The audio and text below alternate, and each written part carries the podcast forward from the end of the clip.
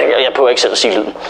Jeg afbryder lige øh, kort her for at gøre opmærksom på, at mit seneste one-man-show, Ytringspligt, lige nu er til download på min hjemmeside michaelschyt.dk til kun 30 kroner. Så hvis du lige har lyst til at suge forbi og købe det, så kunne det være fedt. Vi fortsætter, vi fortsætter. Goddag. Vi danskere er en lille og nogle gange lidt særlig gruppe mennesker. Men hvad er det, der gør os særlige, og hvad er det, der gør os specielt danske? Og giver det overhovedet nogen mening at prøve at definere, hvad danskheden er? Det mener vores regering, der har sat vores allesammen yndlingsnorsår Bertel Hårder til at udvikle en værdikanon over de vigtigste danske værdier. I forvejen der har vi eh, ni kanoner, som Brian Mikkelsen, den tidligere kulturminister, lavede over dansk kultur kunst. Og nu er vi oppe på 10 kanoner, så spørgsmålet er, om vi ikke snart skal til at diskutere, om vi har brug for en kanon-kanon, så staten kan hjælpe os med at finde ud af, hvad for en kanon, der er den vigtigste. I sit oplæg til Danmarks kanonen, som det helt, helt, helt uprætentiøst kommer til at hedde, der fortæller Bertel Hårder, at begreber som tillidskultur, frihed og folkestyre er noget særligt dansk. Seriøst, det er ikke noget, jeg finder på. det mener han er særligt dansk. Ah, det holder op, det er dansk. Om det er helt vildt. Nej, men frihed, det er, det er slet ikke noget, de går op i over i USA, for eksempel. Nej, nej, nej. Og frihed og folkestyre, det er slet ikke noget, vi har fra franskmænd af. Det er særligt dansk. Og tillidskultur. Og er du sindssygt, hvor er det dansk? Det er da helt vildt, så dansk der. Altså, der er der ikke nogen her, der bliver testet i hovedet røv. Der er der ikke nogen her, der bliver tvunget til at sende 800 om sådan ansøgninger, hvis du har fået kontanthjælp i fucking 20 minutter. Ah, men tillidskulturen, den gennemsyrer bare offentlighedsloven og TTIP og domsalget og øh, hele vores gå på kompromis i ytringsfriheden for at forhindre folk med langt skæg i at sige, hvad de har lyst til. Det er der en grundsten i vores danske tillidskultur. Har vi sådan en filter, der kan få det her til at virke mere sarkastisk? Hele kanon-ideen er også bare retarderet til at starte med. Hele ideen om at sige, så er det låst fast. Det er de danske værdier. Så behøver vi ikke, så behøver vi ikke snakke med om det. For helvede, det er jo en løbende udvikling, og det har det jo været altid igennem historien. Det kan, altså best case scenario, så kan sådan en kanon blive et øjebliksbillede af, hvordan vi opfattede vores kultur på det givende tidspunkt, hvor den er lavet. Det er jo, det er en teenage-dagbog. Det er jo noget, vi kan kigge tilbage på om lang tid med let skam og ærgelse. Åh, kære dagbog, jeg synes, Eran DD er så lækker. En kanon, det er jo bare en dagbog for gamle mennesker. Det er jo folk, der kan sige, åh, kan du huske Carl Nielsens maskerade? Det var sgu dengang, vi stadigvæk kunne få en erektion. Hvis den kanon skal have nogen form for effekt på samfundet, så skal folk jo til at starte med at have lyst til at læse den. Og nu kommer jeg med et lidt ukvalificeret gæt, men jeg tror, at omkring cirka 0 mennesker kommer til at ligge i kø for en kulturministeriet og bare vente på den nye Danmarks kanon. Uh, jeg læste de ni andre, jeg håber den sidste er lige så god. Altså, det, er det, er prøv, vi tænker jo fremad, alle sammen. Vi kigger jo fremad. Undtagen folk, der er ved at dø, de kigger bagud. Det er dem, der kigger bagud. Og så er nogle af dem, de er så minister, og så kan de så lave statsstøttet nostalgi for skattekroner. Og I ved, hvordan det er med nostalgi. Man husker kun alt det gode, og man overdriver lidt og gemmer alt det dårlige. Og I må, I må ikke misforstå mig. Det er super vigtigt at kende sin historie. Men en historie, det er jo alle tingene. Det er jo både de gode og de dårlige ting. Altså det er meget den måde, jeg definerer min holdning på. Det er, at jeg holder ting op imod historien. Jeg kan for eksempel se, at sådan noget nationalistisk pis som en værdikanon, det kommer der aldrig noget godt ud af. Bertel Hårder har forklaret, at man kan bruge den nye værdikanon til at bekæmpe radikalisering. For det giver jo mening. Hvad? What? Det er fandme fedt at få lov til at prøve for en gang skyld at være i den anden ende af en naivitetsbeskyldning. Altså, hvad, hvad, prøv at forklare mig, hvad der sker. Vi skriver hygge og demokrati på et stykke papir, og hvad sker der så? det er helt vildt med det.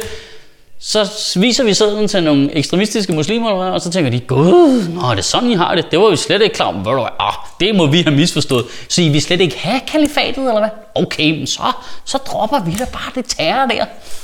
Jeg tror seriøst, det ville have større effekt på radikaliseringen, hvis Bertel Hårder selv fløj ned til Saudi-Arabien og bare en kæmpe lort ned i lufthavnen. Helt seriøst, uden jokes, uden jokes. Det tror jeg vil have en gigantisk positiv effekt. Prøv lige at tænke på forvirringen. Folk vil bare være, hvad? Hvad er det Bertel Hårder, eller en lort ude i Terminal 4? What? Det ville få kæmpe stor opmærksomhed på- i alle medier. Bertel Hårder kunne få lov til at sige lige, hvad han har lyst til omkring radikalisering til hele verden. De vil, de vil være i chok jo. De vil være bange i Saudi-Arabien. Altså, hvad er det for et land?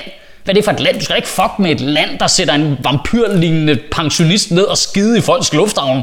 Jeg skal lige høre, har vi ikke et eneste kanon kanonordspil med, eller hvad? Nå. Det provokerende ved de der kanoner er, at politikerne har så lidt tillid til befolkningen, at de føler en trang til at centralisere alle tanker omkring kunst og kultur og værdier. Ah, det er bedst, vi lige øh, vurderer for jer, hvad for nogle værdier, der er de gode. Hvad med, at vi gjorde det selv, mand? Altså, hvad med, vi gjorde det selv?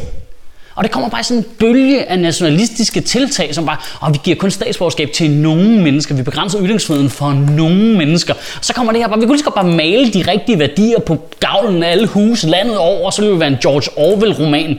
Åh, oh, undskyld, var det en kulturreference, der ikke var dansk, som jeg er rundet af, så skyd mig dog, mand. Ah, men Michael, overreagerer du ikke lidt? Jo, jeg gør. Sig mig, er du ny her, eller hvad? Selvom du taler meget som de andre, der også afbryder. Det er det, jeg laver. Jeg overreagerer. Det er det der nationalisme, det Ah, jeg har det svært med det. Jeg har så svært med det der med at hæve sig over andre og sige, det vi gør, det er det rigtige, det de andre gør er forkert. Det der gør sig til dommer over andre. Det er ligesom, det er ligesom folk, der er stolte af den by, de kommer fra.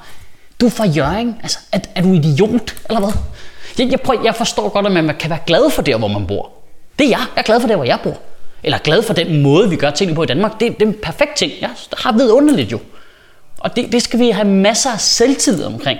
Men det der med at tage glæden for det, man godt kan lide, og så vende det til noget lidt aggressivt, der er henvendt mod andre, som nationalismen gør.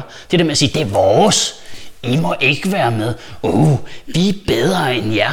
Det, det, altså, det, jeg kommer aldrig nogensinde til at forstå det. Det, det er basically forskellen på Niklas Bentner og Christian Eriksen. To fuldstændig forrygende store talenter som fodboldspillere, som teenager. Men den ene, han gik bare rundt og sagde højt hele tiden, jeg bliver verdens bedste og dækslappede taxaer. Mens den anden, han holdt sin kæft og trænede en time mere. Okay, nu bliver det helt abstrakt. Klar med den store metahat. For jeg synes, at nationalisme er udansk. Set i en historisk kontekst. Det ligger ikke til os at være bændner. Og lave nationalistiske hyldeslister over danske ting er en ret udansk ting at gøre. De fleste af de kunstnere på de der kanoner var jo antinationalistiske i alt, hvad de lavede. De vil og vende sig i deres grav nu over at blive brugt i så åndsforladt en sammenhæng.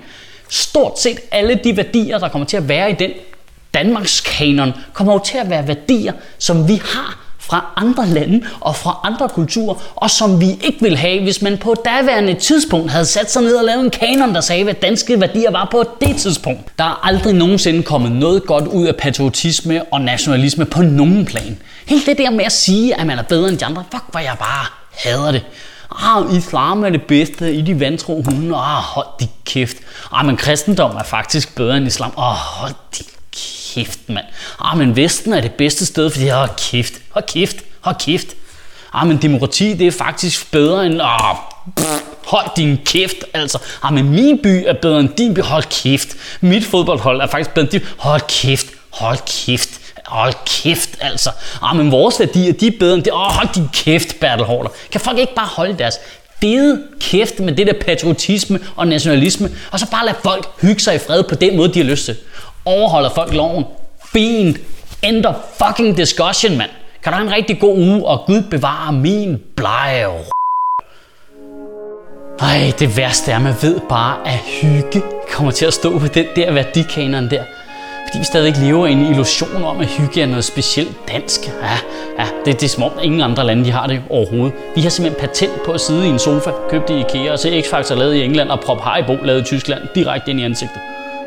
Nå ja, og så hvis du har lyst jo, altså bare hvis du lige har lyst, så kan du øh, donere til Sjøtministeriet på øh, sjøtministeriet.tier.dk, hvor du kan lave sådan en lille abonnement, som du opretter. Og så giver du et beløb, som du selv vælger per tale. Vi udgiver altså 4 om måneden, 52 om året. Alt det der pjat. Og du bestemmer selv, hvor meget, og så trækker vi penge fra din konto en gang om måneden. Og så har vi råd til at lave det her, og lave interviews på Nørrebro Teater, og meget mere, og bare lægge det direkte ud til dig her gratis. Så hvis du har lyst, så lige